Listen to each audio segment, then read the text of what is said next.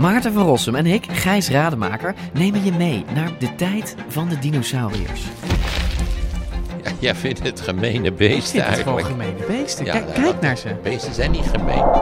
We zijn het eigenlijk nooit eens. Maar T-Rex is toch veel sexier. Nee, ik vind de kakkerlak net zo sexy als T-Rex. Ja, ik zie dat je daar moeite mee hebt. Voor iedereen die vroeger al van dino's hield en nu nog steeds een beetje, luister naar DinoCast.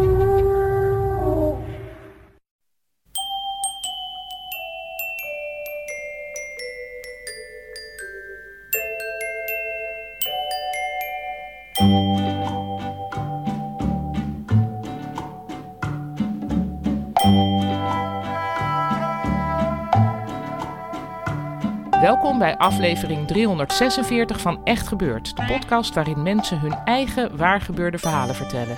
In deze aflevering een verhaal dat Casper Braat in november bij ons vertelde tijdens een verhalenmiddag over kunst.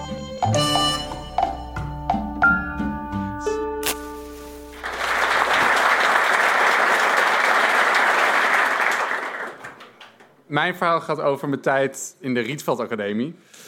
Ehm, het begon eigenlijk dat er een eh, leraar was die zei tegen mij...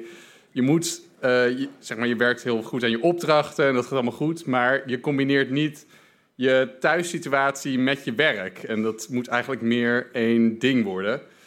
Nou, in die tijd ging ik best wel veel naar tentoonstellingen van dieren... waar eh, ze dan bijvoorbeeld alle verschillende soorten raskatten laten zien... of alle verschillende soorten kippen. En ik dacht, nou, hier moet ik iets mee doen. En ik wou ook, probeerde ik eigenlijk om een beetje politiek geëngageerd. Ik wist nog niet zo goed een beetje aan het uitzoeken van wat doe ik nou. En toen had ik bedacht, ik ga ehm, om de problemen met de bio-industrie aan te kaarten, ga ik zelf een legbatterij maken met een kip. Die ik dan thuis in mijn keukenkastje kan stoppen, waar dan alleen de eieren uitkomen en dat ik hem niet meer hoef te zien. En ja, daar was ik allemaal mee bezig. En die leraar die zei ook van, ja, dat is heel goed. En, eh, dus, dus ik dacht, nou ja, oké, eh, hoe kan ik nou zorgen dat ik dit ook echt ga doen? Dus ik dacht, nou, ik moet gewoon zorgen dat me... Want ik woonde toen nog in West, eh, twee hoog. Ik dacht, nou, ik ga gewoon die kip op het balkon. En als ik nou een hok ga maken, dan is er geen weg terug meer. Dus ik met van heel mooi berkenhout heb toen een hok getimmerd. En eh, alles stond klaar. En toen dacht ik, nou, nu moet die kip wel komen. Toen ben ik op Marktplaats gaan zoeken. Toen vond ik in Woerden een man, dik.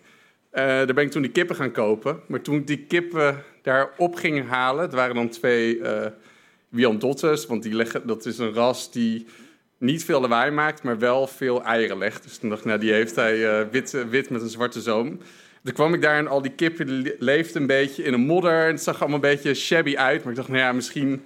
Zoals je ook wel eens op vakantie hebt, dat je denkt, ik neem een, eh, een kat mee terug. Weet je, dan krijg ik me beter leven. Dat voelde ik ook een beetje. Ik moet ja, die, die kippen daar wegredden en dan kan ik eh, een beter leven aan ze geven. Misschien, maar dan wel voor mijn project. En eh, nou, ik kwam thuis met die kippen. En eigenlijk ging het vanaf het begin al niet heel goed, want ze werden ziek en ja, ze hadden diarree overal. Dat was dan ook, want ik deed ze op mijn schouder onder het afwassen. En dan was het opeens allemaal, zat op mijn schouder en ook binnen op de bank. En het ging eigenlijk, eigenlijk normaal hebben ze maar één keer per dag hebben ze zo'n diarreepoepje als een lege darm eh, leegmaken. Maar dit ging maar door. En toen ehm, ging ik toch nog eens een keer goed kijken. Toen ben ik die man gaan googlen. En toen kwam ik opeens op eh, kippenforum.nl. En er waren allemaal waarschuwingen van mensen. Zij gaan niet naar Dik uit Woerden. Want die kippen die zijn allemaal ziek. En eh, die gaan heel snel dood. En toen kreeg ik een beetje iets van... Ja, misschien moet ik hier iets mee. Misschien is dit dan het project waar ik het samen ga brengen. Dus toen ben ik naar de dierenarts geweest. En toen nou, heeft ze onderzocht. En die poepjes zijn toen opgestuurd naar het laboratorium... om te kijken wat er dan precies mis was. Ehm, maar die kosten liepen ook op als een soort van eh, arme student. Dus ik die man mailen en zei nou ja, het is nu dan eh, het eerste onderzoek. Het is nu 180 euro. eh, wil je dat betalen? Want ik heb die kippen ziek gekocht. En uiteindelijk werd het eigenlijk steeds een groter probleem. Omdat ze moesten weer een keer ja, opnieuw op keuring.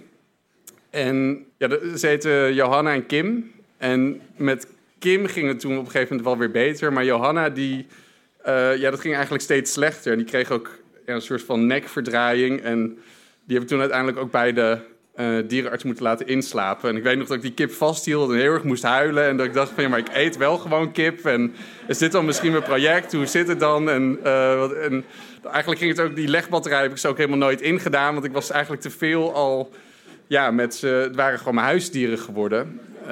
Dus daar ging het veel meer om. En, nou ja, en met die man, dat liep ook nog steeds door, maar die, die stuurde natuurlijk niks terug. En toen dacht ik, nou, misschien als ik dan een aangetekende brief uh, dat het dan, weet je, dat hij dan een beetje bang wordt, omdat zijn familie dan ziet van, nou, er is iets aan de hand. En uh, daar reageerde hij toen ook niet op, maar toen ben ik met, ik had een rechtsbijstandsverzekering. Toen heeft de jurist nog een keer een brief gestuurd en toen kreeg ik wel uh, antwoord terug dat hij het niet ging betalen.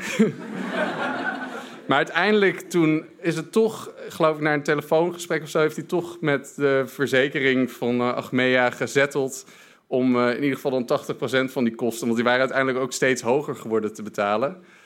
En op die manier heb ik toen toch mijn, dat was uiteindelijk mijn project geworden, waardoor het dan, uh, ja, ik geloof dat dat dan uiteindelijk meer ging over mij met hoe, wat betekent nou om een dier te hebben en is het een product en hoe kan je recht halen en hoe kan je iemand terugpakken. Maar die ene kip, Johanna, die ging toch steeds slechter en op een gegeven moment is die overleden toen bij de dierenarts. En toen heb ik nog bij mijn moeder een uh, begrafenis georganiseerd met al mijn vrienden. Die waren ook allemaal zwart in dingen. En toen had ik ook weer op de Rietveld dan zo'n wit kistje gemaakt. Dat heel mooi uh, naar beneden konden laten zakken met oogjes aan de zijkant. En ik weet ook nog dat toen stond, of tenminste hadden we dat graf al gegraven en dan moesten we die kist gaan doen en er cake en alles hoorde erbij. En dat, ik dacht, nou, misschien is dit dan het project. Of... En toen hadden we Beautiful van Christina Aguilera opstaan zo, tijdens de begrafenis. Toen zag op een gegeven moment mijn moeder ook in de keuken huilen. En die was zo, die zei, ja, het wordt allemaal zo echt, want jullie zijn allemaal hier, al die vrienden van jou, Casper. En het voelt gewoon alsof jij dood bent. En alsof, alsof het, ja, alsof het, uh, het, het werd allemaal iets te echt. En toen hebben we die kip uh, begraven en uh, ik dacht dat kistje was ook net iets te stevig gemaakt. Dus ik dacht ook de hele tijd van ja, misschien komt dat water er niet, die aarde komt er helemaal niet bij, want het was allemaal van dat plasticige hout en zo. Ik dacht, nee, die is misschien te goed dicht en dat die kip ligt er nu in en ja, allemaal heel akelig.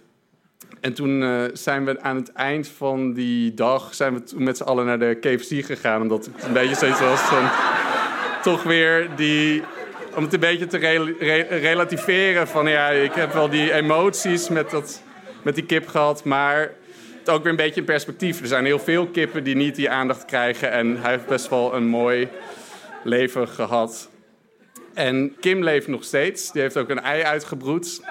Die woont nu bij, uh, ergens op een boerderij in uh, Warder bij een vriendin van mijn moeder. Maar ik heb wel sindsdien, ik ga denk ik nooit meer kippen nemen. Dat is wel uh, de conclusie.